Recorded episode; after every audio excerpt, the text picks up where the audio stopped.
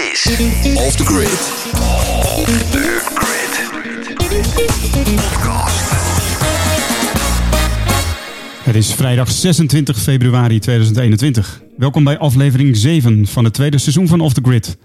In deze podcast gaan we op zoek naar de werkplek van de toekomst. Hoe richten we straks na corona onze werkplek in? Zijn naam is Pieter Jan van Wijngaarden, ondernemer van Grid. En eh, ja, zijn liefde voor countrymuziek begint toch zorgwekkende vormen aan te nemen. En zijn naam is Dirk van der Pol, organisatiejournalist bij Kessels Smit Broadcasting. En die ondanks dat hij heel veel hooi op zijn vork heeft, toch een wandelingetje maakt in de zon. The Grid. Met deze week. In deze aflevering spreken we over het belang van het kantoor en leiderschap. We spreken met Kilian Wawou, organisatiepsycholoog en docent aan de VU, die een lans breekt voor het kantoor. En we spreken met Diederik Steeman, bewoner van Grid Bloemenheuvel. Hij houdt zich bezig met leiderschapsontwikkeling. Verder hebben we natuurlijk een werkplektip en brengen we het laatste nieuws over werken bij de locaties van Grid en ook uit de media. Off the Grid. Off the Grid. Podcast. Podcast. Met Van Wijngaarden en Van der Pol. Pieter Jan en Dirk. Maar eh, we beginnen met proeven. Elke aflevering eh, van dit seizoen proeven we iets dat ons werk er smaakvoller op maakt. En deze keer proeven we ook iets wat in het nieuws was. Ja, want ik eh, lees in de krant eh, Tony Chocolonely, de- het Nederlandse chocolademerk dat streeft naar 100% eh, eh, ja, slaafvrije chocolade, is verwijderd van een internationale lijst van slaafvrije chocoladeproducenten. En reden een omstreden schakel in het productieproces. Ja, dat is wel bijzonder, want ik kan me nog herinneren dat Tony Chocoloni werd opgericht aan de hand van het programma De Keuringsdienst van Baren. En daar was ik eigenlijk best wel enthousiast over, dat dat Ja. zo liep. En wat mij betreft zijn zij ook voorlopers in dit hele gebeuren. En eh, hebben zij volgens mij ook ervoor gezorgd dat veel andere chocoladeproducenten eh, eerlijke chocola zijn gaan maken. Ja, dus eh, wel, wel bijzonder inderdaad. Hey, maar Pieter Jan, je had een speciale voorkeur hè, van tevoren. Je zei, doe mij maar die pretzel toffee melk eh 42%, hè? Nou, het leuke is natuurlijk dat op de Malibaan, de Grid Malibaan 45, eh, op de, de reden om op de eerste en tweede verdieping te werken, is dat daar dus Tony Chocoloni eh, boxjes staan. En eh, ik ben dan zo iemand inderdaad die even de boel eh, leeg eh, eh, eh, schudt Ja, op, het, eh, op het aanrecht. En Jij dan eh, pak ik eh, vaak de paarse eruit.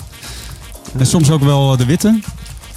En de karamel zeezout is natuurlijk eh, verslavend. Ja, die is ook wel heerlijk, hè? Ja, ik moet zeggen, ik ben de laatste tijd ook erg verslaafd aan die eh, melk met, eh, hoe heet het, met, eh, eh, met melkbeschuit of zoiets erin. Ehm, of nee, met, met koekjes. Ja, die vind ik ook heel lekker. Ik, ik spreek het helemaal verkeerd uit, maar...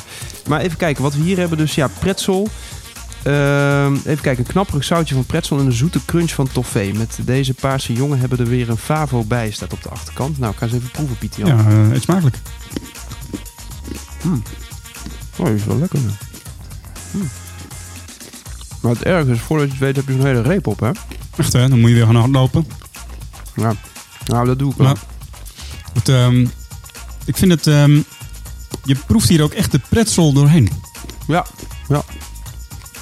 Ja, maar echt, zo, ja, vind ik heel knap. Ja, En eh, ja, die pretzels doen mij altijd denken aan Duitsland. mij ook. Ik moest er ook aan denken. Als ik dan eh, bij eh, collega Arne op bezoek ben, bijvoorbeeld in Hamburg, of ehm, je loopt dat vliegveld uit, Mhm. dan, of op tankstations, dan staren die pretzels je aan. Is het altijd ook meteen de eerste handeling die je verricht als je in Duitsland bent? Een pretzel kopen? Of, eh? Nou, niet altijd. Soms eh, een curryworst. Oh ja, die zijn ook lekker, ja. Oh. Mm. Lekker biertje erbij. Mm, Ik heerlijk. vind het een heerlijke chocolade deze. Mm. Nou ja, weet dat ik hem aan, de einde, aan het einde van de uitzending op heb. Heerlijk. Oh, even één stukje. Straks eh, spreken we aan de bar met Diederik Steeman. Hij is partner en consultant bij Center. En schrijver van het boek Teams in Flow. En wij, wij sp- Dat blijft hangen in de chocola. ja Daar joh, sorry. over. Maar wij spreken in ieder geval. Even een slokje water. Ah, Jij bent bent toch eh, acteur? Ja. Is dat eh, les 1? Nooit eh, chocola eten voordat je het podium opgaat? Of? Want ik, het is niet iets wat ik ooit doe, maar ehm, Nee. ja. Ik heb altijd geleerd dat je een appel moest eten voordat je ging zingen in de band. Maar, maar in ieder geval spreken wij Diederik over een, ehm, een grote fascinatie van hem, namelijk leiderschap. En eh, wil jij erachter komen hoe ehm, oud Pieter Jan daadwerkelijk is? Nou, straks ontrafelen we het met eh Kilian Wawou, organisatiepsycholoog. Off the grid. In de wandelgangen. De wandelgangen.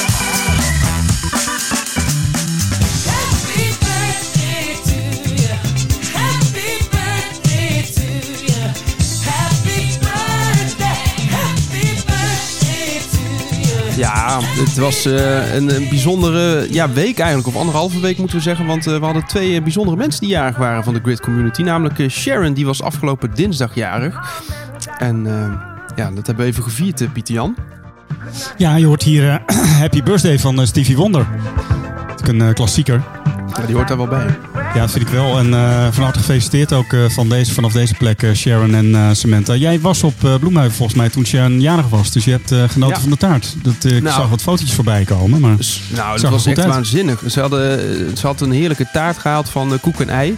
Daar moeten we toch ook maar eens een item aan wijden, denk ik. Ehm, eh, dat was echt fantastisch. En het was superleuk, want er kwamen allemaal bewoners langs. Laurien kwam bijvoorbeeld langs met een bos bloemen. En de zoontje was erbij. Die waren op de mountainbike. eh, die hadden speciaal een eh, bos bloemen gehaald. Ja, ik had dus een Tony Chocoloni-reep eh, meegenomen voor Sharon. Was ze heel blij mee. En nou, ze was helemaal aan het stralen. Het was echt leuk. Leuke dag. En Lenneke En was je- er ook. Dus echt top. Ballonnen, Heb- alles. Heb je nog voor de gezongen? Nou, dat zullen we maar niet doen. Als ik ga zingen, dan, ja, dan kan ik maar beter gewoon chocola eten, zodat mijn stem meteen wegvalt. Maar eh, ja. Hey, en er was nog iemand jarig, hè, Pieter Jan. Ja, Samantha. Eh, dus eh, ook vanaf deze plek, Samantha van harte gefeliciteerd. Die zat volgens mij lekker een dagje thuis te werken op haar verjaardag. Dus ehm ehm, die dacht heeft, dat ik, waarschijnlijk eh, lekker... eh, Iets zag op de, dat ze op de Malibaan zat. Maar Oh, Oké, nou toen ik zag een post voorbij komen. dat ik haar feliciteerde was ze in ieder geval weer thuis. Ah, oké. Hey, en ehm ander dingetje. Ik zag dat er, eh, ik begreep dat bij Amsterdam, eh, bij Grid Ponthaven, er een mooi likje verf op is eh, gekomen aan de muur. Klopt dat, Pieter Jan? Ja, klopt ja. En, in de- een van de flexwerkruimtes een fris kleurtje groen aan de wand. En het ziet er weer spik en span uit. Heerlijk. Hey, en dat lentegevoel, Pieter Jan? Ja, lekker hè. Veel buiten geweest. Voor mij was het deze week vakantie. Kinderen waren thuis. Dus lekker kunnen genieten ook van het buitenweer. En zelfs als je zit te werken, dan ja, is dat beter om eh, naar buiten te kijken als de zon schijnt, eh, zeg ik altijd maar. Eh, maar ik zag ook veel eh, foto's voorbij komen. Volgens mij van, eh van gridbewoners die ook lekker buiten aan het werk waren. Ja, Tilly bijvoorbeeld zag ik dat ze aan het lunchen was eh, in, de, in de zon. Nou, heerlijk toch? Hey, en Pieter Jan, jij had nog een landelijk nieuwtje, hè? Een stukje nostalgie voor jou vooral, begreep ik.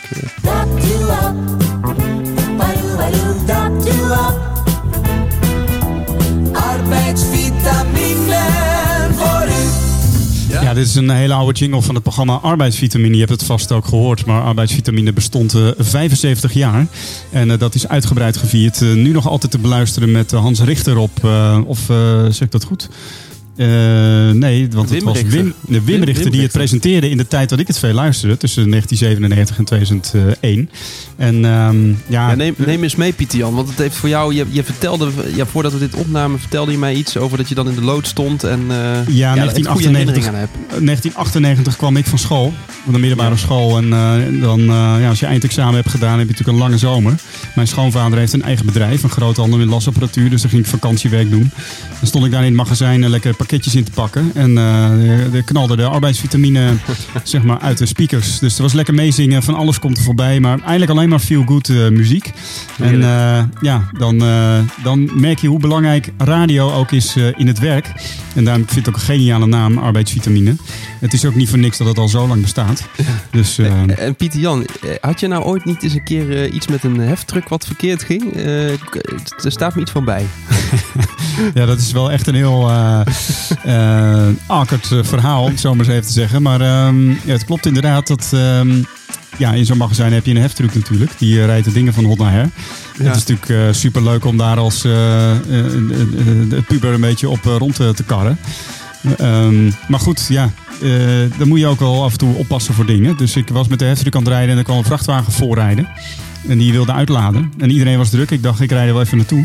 Maar ik had, eh, ik had niet door dat ehm, de, hoe heet die, die roldeur, zeg maar, dat die eh, eh, nog niet ver genoeg omhoog stond. Dus ik eh, eh, reed zo die deur eruit. Maar het ergste was nog dat het een week gebeurde voordat eh, de officiële opening van het pand was. Jeetje, en het is nog steeds goed met je schoonvader? Of, eh? Ja, dat, ik, ik, kon me, ik, kan mij, heri- ik kon mij herinneren dat ik, eh, ja, dat was gebeurd. Ik liep meteen naar hem toe. Ik zei van nou, dit en dit is gebeurd. En het eerste wat hij zei is, waar gewerkt wordt vallen Spaanders. ja, geweldig. Ja, mooi. Ja, Ja, vond ik wel zo mooi. is En, het ook. ehm, Zo is het ook. Maar goed, toen ging ik de, de dag erop ging ik eh, op kamerjacht in Enschede, want ik ging daar studeren. En, toen- en het, ehm, toen hadden we een etentje met het hele bedrijf om te vieren dat er een nieuw pand was. Dus ik, ik kwam wat later binnen in dat restaurant. En toen zei een van die gasten: hey, Pieter Jan, ben je met de heftruck? dus ja, je, je weet hoe dat gaat. Er werd natuurlijk ontzettend veel lol om gemaakt. Ja. En, eh, en nu nog altijd, als ik daar kom, dan eh, is dat een van de eerste dingen die wordt gezegd. Straks eh, een eh, bijzondere werkplektip eh, voor als je even weg wil dromen vanaf je eigen ja, werkplek. iets met even vrij vertaald vieze zeemeel. Vieze zeemeel. Ja, toch? Ja. Off the grid. Kilian Bavou is organisatiepsycholoog, consultant, public speaker en parttime docent HR-management aan de Vrije Universiteit van Amsterdam. En van 1999 tot 2010 is hij werkzaam geweest in diverse HR-functies binnen ABN AMRO. Hij schreef onder andere de boeken Bonus, een Nederlandse bankier vertelt, Het Nieuwe Belonen en Performance Management in een Agile werkomgeving. En eh, sinds de coronatijd dompelt hij zich onder in een onderzoek naar het nieuwe werken. En eh, daar gaan we met hem over in gesprek. Eh, Kilian, welkom in Off the Grid. Eh superleuk dat je er bent. Om te beginnen, Nou, je, dank voor de uitnodiging. ja, je doet onderzoek naar het werken na corona. Eh, hoe ziet dat er volgens jou uit? Nou, wat ik eerst gedaan heb, eh het zat eigenlijk uit drie delen. Eerst, eh, wat weten we eigenlijk nou over, over werk, hoe het motiveert en hoe het niet motiveert. Dus wat waren eigenlijk de thema's voor corona? Eh, we kunnen natuurlijk onderzoek doen naar hoe mensen de coronatijd zelf eh, beleefd hebben. Dus eh, eh, plat gezegd eh, vanaf maart 2020 eh, en verder. Eh, en daarna is het een beetje speculeren, en daar gaan we het denk ik dadelijk over hebben, van wat moeten we uit die tijd nou vooral houden, maar wat moeten we vooral niet houden. En dat is toch best wel een ingewikkeld eh, verhaal. Ja, Hey, en eh, een recent verschenen bijdrage van, eh, van NOS Nieuwsuur eh, dat grote werkgevers kantoorruimte gaan schrappen. Dus als het gaat over iets behouden of niet behouden. Eh, in dat artikel gaf je aan te vrezen dat bedrijven wellicht te snel afscheid nemen van dat kantoor. Kun je daar iets over vertellen? Ja, kijk, een, een, laten we een beetje abstract beginnen. Een, kantoor is een middel tot een doel. Eh, je gaat naar kantoor omdat je een reden hebt om daar te zijn. En eh, in, in het, je zei net, in 1999 ben ik begonnen met werk. Toen begon ik eh, bij ABN AMRO. In die tijd had kantoor het monopolie op informatie. Dus er was daar iets aanwezig wat ik thuis niet had, namelijk dossierkasten en weet ik wat allemaal. En ik had daar collega's. Nou, sinds het internet is het kantoor zijn monopolie kwijtgeraakt op, eh, op kennis. Alle systeem, ik zit nu op de Verenigde Universiteit, as we speak. Alles wat ik hier heb, heb ik thuis ook. Dus er is geen enkel systeem waar ik nog bij hoef. De, de bibliotheek bijvoorbeeld, vroeger ging je naar de universiteitsbibliotheek, die is online. Dus ik heb geen enkele reden om nog naar eh, eh, kantoor te gaan in de zin van informatie. En ik hoef mijn collega's er eigenlijk ook niet meer te ontmoeten. Nou, dus je zou dus nu denken, het, kantoor heeft dus eigenlijk geen functie meer anders dan dat je elkaar leuk af en toe nog ontmoet. En ik denk dat dat een misvatting is. En daar gaan we denk ik wat uitgebreider over hebben. Maar om een heel lang verhaal heel kort te maken. Heel veel kennis in een organisatie zit niet in systemen, maar in hoofden. En als je eh, het werk eh, alleen nog maar reduceert tot een soort eh, ja, grote koffiecorner, dan vergeet je dus dat mensen naar kantoor komen om daar informele kennis op te doen. En daar gaan we de mist in. En dat is, als ik het goed begrijp, eh, ook iets waar jij je zorgen over maakt, eh, Kilian. Dat eh, Ja. wellicht ook met alle berichten die nu verschijnen van grote werkgevers.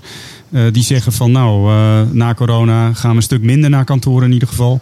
Dat die Ja. informele kennis ja, verdwijnt of dat er minder kennisuitwisseling plaatsvindt. Hoe, hoe kijk je daarnaar? Ja, even eerst een gewetensvraag. Hoe, hoe oud zijn jullie? Ik ben 41. 41 en?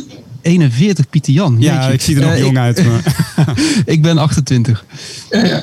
Ja, Jan, je ziet er echt eh, eh, jong uit. Ja, de kijkers thuis kunnen het niet zien, maar die ga je natuurlijk massaal googelen. Maar ik ben 48 en ik had je meer op in de levenscategorie van, van Dirk eh Oh. ingeschat. Maar goed, Dirk, dan gaan we jou even als voorbeeld nemen. Je bent 28. Ja, kom maar. Ik heb Ja. heel veel interviews gedaan met mensen van hoe, hoe beleef je nou het werk? En eh, Dirk, je bent even voor mij de, de, de nieuwe generatie, de millennial, de, de, nou ja, de mensen die, die wat korter werken.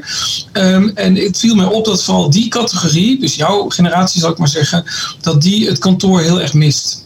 En, eh, en dan met name om, eh, nou ja, als je op zoek bent naar kennis, ja, dan eh, je eigen bureau geeft je dat vaak niet. En het valt ook op dat als je nu ziet hoe wij met z'n allen vergaderen, het is veel meer to the point. En dat is op zich heel goed, alleen dan mis je dus dat informele contact.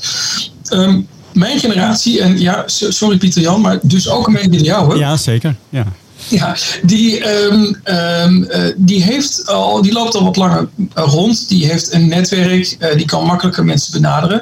En die mist dat contact minder. Nou, wat is nou de fout? Is dat veel organisaties die gaan, die gaan nu zeggen van nou, we kunnen dus bezuinigen.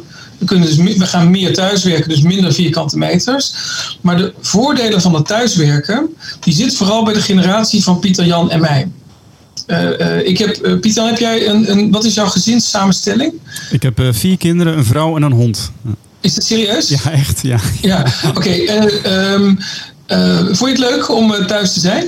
Eh, ja, en eh nou, het hielp deze tijd ook wel mee dat er wat minder werk was. Dus ik kon eh, met name, dus de vier kinderen zitten allemaal op de basisschool. Dus ik had wel een drukke tijd ook met thuisonderwijs. En we hebben de, we, mijn vrouw en ik hebben de boel verdeeld. Dus ik heb 2,5 dag gewerkt en 2,5 dag thuis. Dus, maar het, het kwam mooi uit dat een aantal projecten in december afgerond waren. En ik ga nu Ja. weer wat nieuws opstarten. Dus ik heb een beetje een half sabbatical gehad. Ja. Maar wat ik, wat ik zie is dat eh, de, de vuistregel is hoe jonger, hoe meer last je ervan hebt. Dus nou, we zijn echt het perfecte koppel met z'n drieën. Is, Dirk eh, is dus dan degene die, die, die eh, dus jouw generatie, die, die mist de informele contacten om te leren. Niet de informele contacten om lol te trappen, maar om te leren. De, eh, Pieter Jan met hele jonge kinderen heeft het, aan de ene kant het voordeel dat je je kinderen ziet, maar op een gegeven moment is het gewoon ook too much. Dus ik weet niet of het voor jou mag invullen, moet je zo Ja, maar nee, zeggen. nee, maar, nee, zeker. Ja. ki- kinderen, kinderen Of, ja, met, en op een gegeven moment merkte ik ook dat je het niet durft te zeggen tegen mensen die geen kinderen hebben. Want dan, die denken, ja, had je maar niet moeten beginnen aan kinderen, is jouw schuld. Maar goed, het systeem is natuurlijk niet gebouwd op vier kinderen thuis en werken. Nou, dat hebben we geleerd. Maar de groep die de voordelen heeft, dat is, ik ben dan net ietsje ouder. Oké, Pieter Jan, ik ben 48. Mijn kinderen zijn 11 en 15. En dan ehm, merk je dat het gewoon eigenlijk best leuk is om thuis te zijn. De kinderen vermaken zichzelf. Eh, ik, heb een, ik woon in een, in een eh, koophuis met, met, een, eh, met een buiten. Ik heb een eigen werkkamer. Maar als je wat jonger bent en je zit op een eh, studentenkamer of nog op, eh, met jong werkenden, dan heb je ook fysiek niet meer zoveel mogelijkheden om te werken. Je hebt er heel veel last van. Dirk, ik ben heel benieuwd wat je ervaringen zijn of van je leeftijdsgenoten. Maar dan is thuiswerken heel lastig. Met jonge kinderen is het heel lastig. Dus wie hebben de voordelen? De mensen die in de bestuurskamer zitten. Ja. En die praten dan met een consultant zoals ik. En die zeggen, jongens, vierkante meters eraf. eh, Goed, eh, minder CO2-uitstoot. eh, Minder files. Meer balanswerk privé. dit is het Walhalla. We gaan allemaal minder werken. En als je vaak naar kantoor wil komen, ben je nog steeds van harte welkom. Maar die 20% die halen we van het kantoor weg. Ja, eh, ik, denk, ik denk dat de fout is, en Dirk nogmaals, je bent even mijn referentiekader. Als jij het kantoor mist voor kennis, dan mis je dus Pieter Jan. Dus wat ik nu zie op de VU, daar ben ik nu, wie zitten hier op dit moment? Ja, allemaal AJO's. Tussen de 22 en de, en de 30. Ja. Dus het is hier een soort jongerensoos en ik. Ja, Eh, en wat gaan kantoren dan doen? Dan zeggen ze, ja, we moeten, we moeten het een experience maken. En het moet leuk zijn. Je kan niet basketballen en, en flipperen en, en een glijbaan. Nou Dirk, ik weet niet hoe het met jou is, maar ja, als je een lol trapt, ga je dat wel met je vrienden doen. Je komt voor kennis. Ja. Het moet wel leuk zijn, het moet prettig zijn en een goed binnenklimaat en zo. En, eh, maar goed, ik ben wel benieuwd wat jullie vinden. Maar het kantoor is dus, en dan, nu kom ik to the point. Het kantoor is een plek waar je kennis opdoet. En niet een plek alleen maar om lol te trappen. Nou, en dus, ja, ben wel benieuwd, eh, Dirk, wat, wat, vind je van mijn verhaal?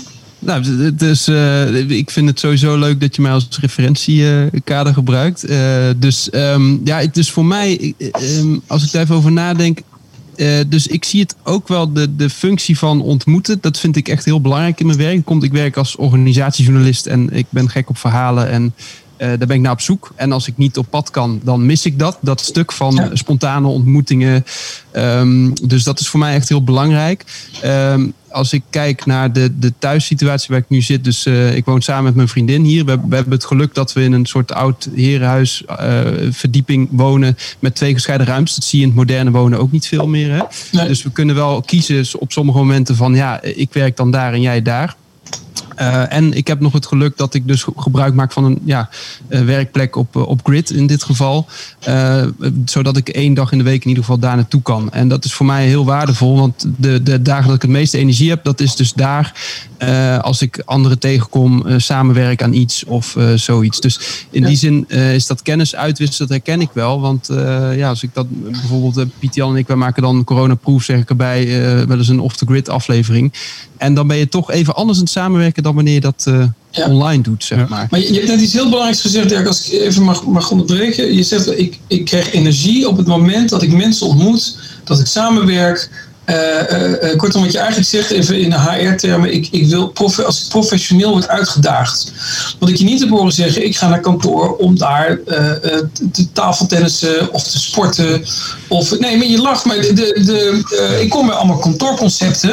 En dan gaan ze me rondleiden van, joh, wij hebben het nieuwe kantoor. En het is allemaal één grote happy, de peppy show met, met leuke dingen. Terwijl de meeste mensen op zoek zijn naar kennis. Ja. Dus Ja. ik heb ook het, het, het hele idee in het boek wat ik probeer te lanceren, is eigenlijk het, het corporate brain. Hè. We, zijn, we, zijn samen, we zijn nu met z'n drieën nu samen. En we, we, we stoppen onze, onze hersencapaciteit samen om na te denken over een probleem. Ja. En dat is een waardevolle ontmoeting. En ja, ik zou het ook best leuk vinden om een potje te tennissen. Maar ehm, ja, dat doe ik eerlijk gezegd liever met mijn zoon van, van 15. Die, Ja. die, die, ziet nu tennissen. Dat vind ik hartstikke, hartstikke leuk. Maar daarvoor ga ik niet naar kantoor. Nee. Hey, en Kilian, ehm, je kunt natuurlijk denken in eh, fysieke ontmoetingsruimtes, maar juist jongere werknemers die zijn ook weer heel goed in digitale ontmoetingen. Dus eh, Ja. zouden die elkaar ook voor een deel kunnen vervangen, denk jij? Of- Als het, ehm, laten we zeggen, ehm, eh, communicatie is die voor een deel zenden is. Hè, dan gaan mensen naar deze podcast luisteren die fysiek niet aanwezig zijn bij dit gesprek. En dat is helemaal niet erg. Ehm, eh, maar op het moment dat we er echt een, een, een gesprek van maken, dus dat die luisteraars. eh, en overigens, wij drie zitten voor de kijkers thuis niet in dezelfde ruimte op dit moment. De dynamiek van het samen zijn is toch anders. Ja. Eh, dus je merkt, dus kunnen mensen dat online. En misschien wel een aardig voorbeeld. Ik zit hier bij, de, bij sociale psychologie. Ik doe dan organisatiepsychologie. Maar mijn buren zijn sociale psychologie. En, en een collega van mij doet onderzoek naar speeddaten en internetdaten. Ja. En, en misschien voor de jongere luisteraars. eh, daten online eh, schijnt ook niet helemaal te werken. Blijkbaar is het contact tussen twee mensen. Is, is het heel belangrijk dat je non-verbaal ja, ik wil niet zeggen kan ruiken, bij wijze van spreken. Maar het bewijs, dat, ja, eigenlijk is het dat wel. Ja, ja. We willen, wij mensen zijn gemaakt voor een bepaald soort contact. En, en dat is niet via een beeldscherm. Nee, nee. Ja. Dus het kan wel, als het, heel- als het to the point is. Ja. Maar als het, als het wat meer over emotie gaat, of over kennis, over creativiteit, je beter bij elkaar zitten. Ja, dan zeg je dus ook niet, laten we proberen om dat te vervangen eh, door Nee. online ontmoetingen. Daar moet je gewoon voor bij elkaar zijn. En eh, dat is precies het, waar het brain, eh, het kantoor als brain over gaat. Ja, maar je hebt natuurlijk verschillende soorten ontmoetingen. Dus ik kan me voorstellen, het nieuwe werken, dat we, of het, of het na corona werken, bijvoorbeeld op dinsdagochtend staat Nederland vol met files. Ja, het is natuurlijk absurd als je om negen uur op kantoor gaat zitten na corona. Dus laten we dan de meetings doen die wat meer to the point zijn. Gewoon van wat doe jij, wat doe ik. Nou, dan doen we die allemaal dinsdagochtend. Ja. Komen we om 11 uur op kantoor. Dan gaan we iets van een ontmoeting doen. Dus dan gaan we niet met onze noise cancelling allemaal tegenover elkaar zitten om ons te ergeren. Maar dan gaan we dus ook iets, iets organiseren. Ik ben nu bezig met een bedrijf van kunnen we niet eh, professional speed dates gaan doen. Ja. Gewoon even 10 minuten. eh, eh, ik wil iets van jou, jij iets van mij. Ik heb een vraag. Eh, nou, en, en, en dan om 12 uur gaan we lunchen. En dan gaat iedereen iets voor zichzelf doen. En om drie uur ga je weer naar huis. Dat, kan, dat is ook een model. Maar kortom, we moeten niet nadenken over het kantoor als fysieke ruimte. Maar eh, als kwaliteitsvraag. Wat gaat er in dat kantoor nog gebeuren? Ja. Dus ik zie nu allemaal vragenlijsten bij bedrijven. Hoe vaak wil je nog naar kantoor? Ja, als ik met mijn noise cancelling. Ik heb me hier, de kijkers thuis kunnen niet zien, maar ik heb een hele mooie eh, noise cancelling headset gekocht. Eh, werkt hartstikke goed. Mijn collega heeft er ook een. Ja, want ja, kan ik net zo goed thuis zitten? Ja, ja, ja. Ja. Wat ik ook nog wel. Dus ehm, eh, ik, ik sprak met mijn eh, zwager van, van de week. En ehm, we hadden het hier ook over. Hè, het, nieuwe, het nieuwe werken of het nieuwe kantoor. En hij zei ook van ja, weet je, het enige waar, waardoor ik me dan verbonden voel bijna met mijn bedrijf waar ik dan werk. Is eh, eigenlijk als ik een e-mail verstuur en daar de, mijn logo eronder zie staan. Ja, niks dus. Ja. Ja, Ja. en dat dat dan best wel. het, ja, wat, wat, zouden we, wat zouden we daar. Hoe, zou- hoe zou je dat dan zien in de toekomst? Of, Ja. Nou ja, kijk, nu, nu zijn we verplicht om thuis te zitten, dus dat is allemaal heel vervelend. Maar we moeten iets gaan verzinnen, eh, dus dat er iets op kantoor gebeurt waardoor je je verbonden voelt. Ja. Ehm, en dat gaat dus niet alleen maar online. Dus er wordt nu gesproken over eh, workation. Hè. Eh, ik heb bijvoorbeeld heel lang, dat is wel grappig, ik heb heel lang een collega in, op- in, in Zuid, of weet het, op de Canarische eilanden woont ze. Al, al heel lang. En die zei, ja, ik voel me nu meer verbonden dan ooit, want we zitten allemaal online. Maar als het daar een keer voorbij is, ja, werkt dat nou als je altijd op afstand bent? Ik bedoel, Er, moeten dus momenten zijn dat je je verbonden voelt met een groep en dat doe je face-to-face. Kortom, dat verbonden voelen met alleen online, dus dat, we alleen, dat er banen zijn die je alleen online gaat doen, dat, dat denk ik eigenlijk niet.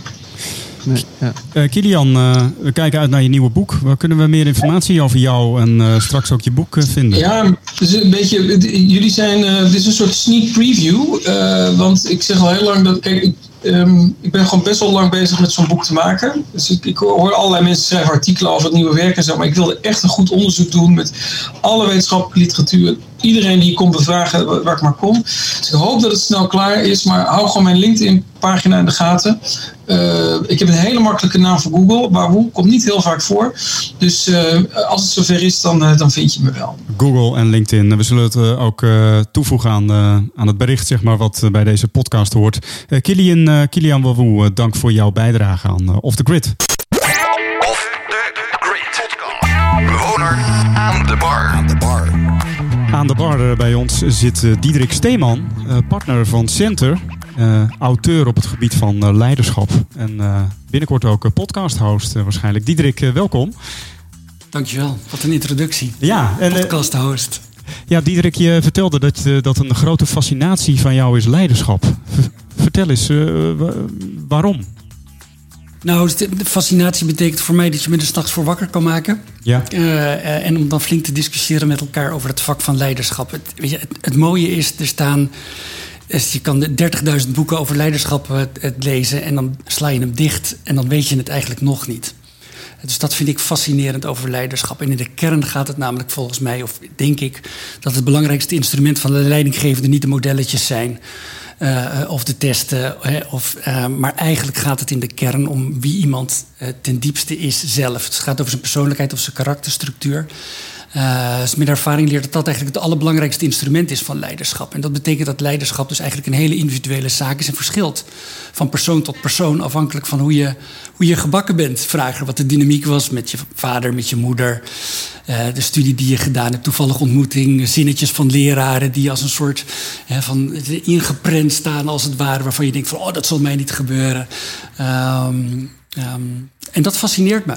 Eh, en zeker in mijn coaching of in mijn begeleiding of in mijn consultancy ben ik op dat gebied heel veel bezig met, eh, met mensen. En dat betekent eigenlijk dat de vraag steeds nieuw is. Eh, dat ik het dus niet uit een model kan halen of niet uit theorie kan halen. Eh, maar dat, het ook, dat ik mezelf eigenlijk ook steeds moet meenemen op het punt ja, waar de leider het niet weet en waar ik het ook niet weet. Nou, dat is natuurlijk een heel spannend gebied met elkaar daarover van gedachten te wisselen. In een context die ook nog steeds wisselt. Nou, dus daar waar je het antwoord niet hebt, eh, vind ik het heel fascinerend eh, worden. Ook doodeng. Eh, maar daarom vind ik het vak, eh, het vak zo mooi. En is het ook lekker om het als consultant te doen. Hè? Stel je voor dat ik het zelf als leidinggevende zou moeten doen. Ik heb een aantal medewerkers gehad of behoorlijk wat. Ga alsjeblieft geen feedback bij hun vragen over hoe ik het, eh, het gedaan heb. Eh, het is, er zijn mensen die iets kunnen. En er zijn mensen die over dingen heel goed kunnen praten. Eh, en ik ben zo'n laatste type. Dan ben ik eigenlijk wel benieuwd. We zijn in ons tweede seizoen van Off the Grid bezig met een onderzoek naar eh, de werkplek van de toekomst. Hoe ziet die eruit? En ik hoor je iets vertellen over leiderschap. Ik ben eigenlijk wel benieuwd naar hoe je in deze nieuwe tijd waarin we toch werk moeten vormgeven, vanuit dat oogpunt kijkt naar leiderschap. Zie je dat, dat daar iets dan in verandert of zo? Of, eh? Ja, er verandert heel veel. Er verandert echt heel veel. Ik denk dat er enorme shifts eh, plaats aan het vinden zijn op het gebied van leiderschap. En dat is eigenlijk al voor eh, de corona. Dus ik denk dat het, het, het thuiswerken of het op afstand werken nu natuurlijk een enorme boost heeft. Dus het, het gaat nooit meer terug. Ik vermoed dat we een hybride vorm gaan krijgen. Eh, eh, dus deels online, deels eh, eh, offline. Ehm, maar dat, dat vraagt natuurlijk heel veel van, eh, van leiding geven. Hè. Dus de belangrijkste taken wat mij betreft voor een leidinggevende zijn visie hebben en die visie uitdragen. Eh, mensen ontwikkelen, dus de potentie van mensen, het potentieel van mensen eh, eh, ontwikkelen. En natuurlijk executie realiseren. Nou, drie belangrijke eh, taken. Nou, probeer maar eens eh, mensen eh, eh, te ontwikkelen, hun potentieel te ontwikkelen, mensen bevlogen te houden, engaged te houden. eh, de- als mensen zoveel thuiswerken, zoals in ieder geval nu het geval is. Dus dat vraagt natuurlijk hele andere vaardigheden, hele andere skills van de leidinggever. Die worden echt uitgedaagd. Eh, om dat eh, te doen. Nou, je zal, je zal team hebben, je zal meerdere teams hebben. En wat een andere ontwikkeling, los van corona, is dat we veel meer toegaan naar eh, een vorm die, ja, noem het wisselend, het het leiderschap. Het is al lang niet meer zo dat de leidinggevende met de meeste streepjes gezien wordt als de grootste leidinggevende. Het gaat er eigenlijk in toenemende mate om wie voor deze taak in deze context is de meest geschikt of heeft de meeste competenties om dat te doen. Competenties in termen van kennis of vaardigheden of intentie of, eh, of houding. Het is al lang niet meer voorbehouden aan de leider, tussen aanhalingstekens, van het, eh, van het team om leiding eh, te geven. Dat kan ook een medewerker zijn. Ja, dat vind ik interessant dat je dat zegt. Want ehm, ja, je vertelde net ook in ons voorgesprek dat je doet heel interessant werk bij innovatieve organisaties. Ja. IT-platform bijvoorbeeld. Dat zijn, zijn ook wel contexten waar ik niet vanzelfsprekend echt leiderschap zeg maar, terug zou zien. Omdat dat, volgens, ja, dat gaat veel meer over pionieren, ondernemen. En toch doe jij dan dingen op het gebied van leiderschap. Zeker. En de woorden die je gebruikt zijn hè, pionieren en ondernemen. Dus daar zit bijna al hè, is eigenlijk verkapte vormen van, van leiderschap. Hè, dus het mooie is, ik, ik geloof niet in zelfsturing. En zelfsturing is natuurlijk hot. Hè? Dus de autonomie zo laag mogelijk in de organisatie neerleggen. Dat willen we allemaal als zelfsturende teams. En nou, en noem maar op. Hè, autonome afdelingen, autonome units. Kijk je fundamenteel naar hoe een mens in elkaar zit, of eigenlijk in een groep, hoe we samenleven, of wat de kern is van een economie, en wat samen iets maken of opleveren wat ten dienste is aan, eh, aan de hele samenleving. Nou, vertaal dat even terug naar hoe we op de prairie stonden met elkaar. We kunnen niet zonder leiderschap. Eh, het is zo fundamenteel ingebakken in ons DNA dat ook binnen een zelfsturend team je binnen no time een vorm van leiderschap hebt. En als je het leiderschap in de definitie wat breder maakt. eh, en wat mij betreft vind ik vind een hele mooie definitie van leiderschap. anderen in beweging brengen in de context van te realiseren taak. Ja, dan, dan kan eigenlijk, als iemand het vermogen heeft om een ander te bewegen of te inspireren om een bepaald doel te halen, dan vind ik dat een prachtige vorm van leiderschap. En is dat dus helemaal niet voorbehouden aan de leider of de manager of de CEO of de director of nou, noem maar ook. Iemand die initiatiefkracht heeft eh, en daarmee anderen kan inspireren om hem of haar te volgen of zelf leiderschap te pakken, vind ik prachtige, nou ja, prachtige metafoor voor, voor, Ja. voor leiderschap. En dat is wat die- mij betreft de kern. En die vormen van leiderschap zie je ook bij, bij dat soort opdrachtgevers, van die innovatieve clubs. Eh, Gelukkig wel, want anders zou er niks gebeuren. Ja. Dus iemand, iemand moet met een idee onder zijn arm Ja. eh, de, de hoort op. Eh, om het voor elkaar te krijgen dat dat ook gerealiseerd eh, eh, wordt. Ja, eh, eh, doen, actie, eh, executie realiseren. Dat is natuurlijk wel de kern van, eh, van, eh, van, van, van leiderschap. Dus het is, het is heel erg nodig. Ja, Ja. zeker. Hey, ik heb heel stiekem eens eh, op je profiel zitten snuffelen. Oh van, mijn eh, oh mijn god, zegt hij. Wat? Eh, en ja, er zijn een paar mooie vragen die je daarin stelt. Dus ik dacht misschien wel leuk om je die in het hier en nu voor te leggen. Nou, Ehm, wat is in het hier en nu wezenlijk volgens jou? staat er iets over in mijn profiel? Zeker weten. Wat is in het hier en nu wezenlijk? Ja, ik, ik vertaal hem naar het hier en nu. Dus Ja. staat er, wa- wat is hier wezenlijk? Wat is het potentieel dat geketend is en zichtbaar wilt worden? En wat is er voor nodig om beweging en flow te creëren? Oké, en dan gaat, het, dan gaat het eigenlijk over, in de context van organisaties of van teams, eh, eh, Ja. als ik je goed begrijp. Ehm, het interessante van die vraag is, wat is hier wezenlijk, is wat, wat is hier een soort van, van waarheid? Of wat, eh, het, een mooie vraag in het team vind ik ook altijd van, wat wil hier niet gezien worden? Of wat wil hier niet gehoord worden? En wat zijn we met z'n allen eigenlijk aan het toedekken? Eh, Want is- is, dat vaak ook wezenlijk? en dat is, dat is vaak wezenlijk, Ja. want dat betekent dat er een, het is, is die, dat wat niet gezien wil worden, en, en met een mooi woord noemen we dat dan, is het natuurlijk allemaal consultanttaal, hè, dus na het interview kun je mooie bullshit bingo doen van alle woorden die ik, eh, die ik, eh, die ik gebruik. Het, het leidt namelijk tot een verstrikking van energie. En wat je het liefst wil, is met elkaar in flow zijn. Natuurlijk dat je tot synergie komt. 1, 1 plus 1 is 3. Dat je elkaars potentieel waarmaakt. Sterker nog, dat je natuurlijk hartstikke enthousiast bent over jezelf. Omdat ja, iemand anders heeft je uitgedaagd tot een nog betere performance. En met elkaar kun je iets creëren wat je eigenlijk... Ja, weet je, we hadden, oh, stel je voor dat we dit gehaald hebben. Het is, nou, we zijn aan de, aan de top van de K2 gekomen of van de Mount Everest met elkaar. En we hadden het, hadden het niet, niet gedacht. Dat, dat wil je natuurlijk. Tegelijkertijd gebeurt er in het team allerlei spanning, allerlei dynamieken tussen mensen. Dus er zijn nou, en in die dynamieken, nou, ga maar na. Je hebt thuis ook dynamieken met je, met je partner, met je vrienden. Dynamiek. Dat gebeurt in organisaties natuurlijk ook heel veel zelfs. Nou, die dynamieken die leiden tot blokkeren van, van energie. En we vinden het toch vaak heel erg lastig om elkaar feedback te geven, om te zeggen wat er werkelijk speelt.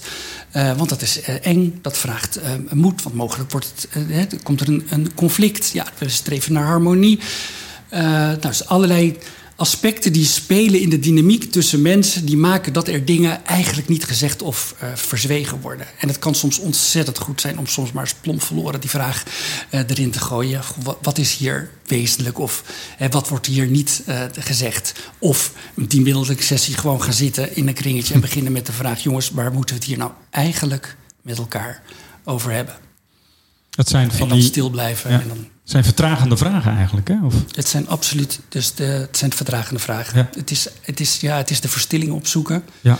Uh, net als je denk ik bij persoonlijke ontwikkeling de weg naar binnen belangrijker is dan de weg naar buiten.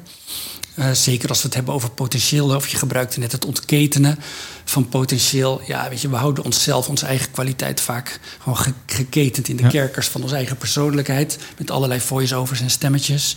Ja, op het moment dat je uh, een leash your own potential, op het moment dat je dat voor elkaar krijgt, je hebt de sleuteltjes van je eigen ketenen. En dat gebeurt vaak in de verstilling.